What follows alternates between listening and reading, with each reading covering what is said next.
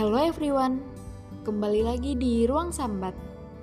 Bersama saya Elsi Rahmadani Semoga podcast kali ini bisa mengisi kegabutan, kesuntukan, kebosanan, dan kebingungan lainnya.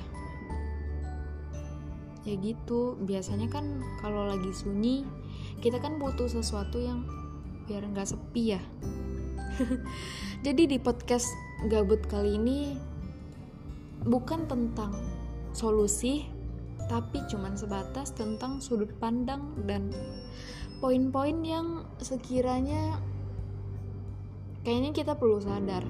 Itu tuh sia-sia atau bermanfaat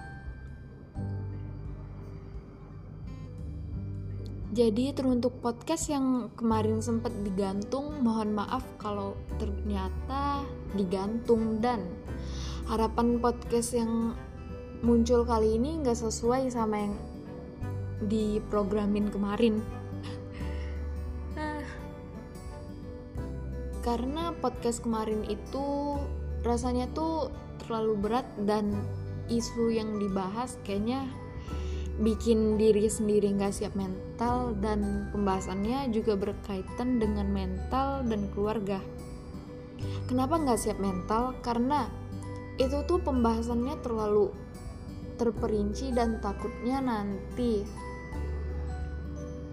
ada yang nggak bisa nerima dan ada yang ngerasa terpojokkan oleh pembahasan itu dan diri sendiri pun belum siap untuk menanggung hal-hal yang harus dipertanggungjawabkan dari yang kita ceritakan. Oke, skip terlalu panjang. Bicara soal gantung, ada tiga poin, tiga kepala, ada tiga tipe orang-orang yang digantung. Yang pertama, yang biasa dialami oleh usia-usia yang ya nggak mudah sih cuman remaja dewasa yaitu menjalani menjalani hubungan sama-sama sepakat sama-sama komitmen cuman waktu ditanya apa bilangnya jalani aja dulu. Padahal itu tuh lagi di usia matang yang butuh kejelasan dan keseriusan. Dan ini ada di bagian anggap aja remaja tanggung. Pada bagian remaja tanggung kali ini, mereka itu menjalani hubungan. Kalau menjalani hubungan ya namanya kan udah sepakat. Tapi ada tapinya.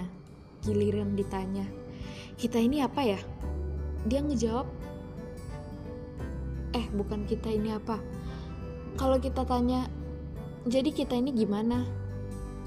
Terus dia anggap aja nih lagi di cerita novel pet pet dan drama lainnya si doi berdiri megang bahu kamu terus bilang kamu bisa kan nunggu aku dalam waktu bulan atau tahun ke depan? Dan kamu dengan tampang yang agak drama ya tapi bayangin aja dengan tampang yang agak sedih-sedih gitu. Terus ngangguk. Iya aku mau nunggu. Ternyata waktu ditungguin ya ditungguin sesuai yang dia bilang kayak kita itu nggak pernah nunggu gitu. Dan ya janji-janji yang udah dia yang udah dia bilang itu kayak menguap gitu aja. Kamu bayangin kamu lagi tadi malam tuh hujan deras terus banyak genangan. Dan besoknya genangan itu menguap ke awan dan hilang. Ya kayak gitu dia. By the way musiknya mohon maaf karena tetangga lagi ngidupin musik. Jadi semoga musik-musik yang bisa mewakili. Nah yang terakhir dan yang paling lucu ini adalah si A yang ngerasa dia itu digantungin loh aku itu digantungin sama dia yang dia tuh nggak pernah peka-peka kamu tahu aku mau ngasih tahu rahasia.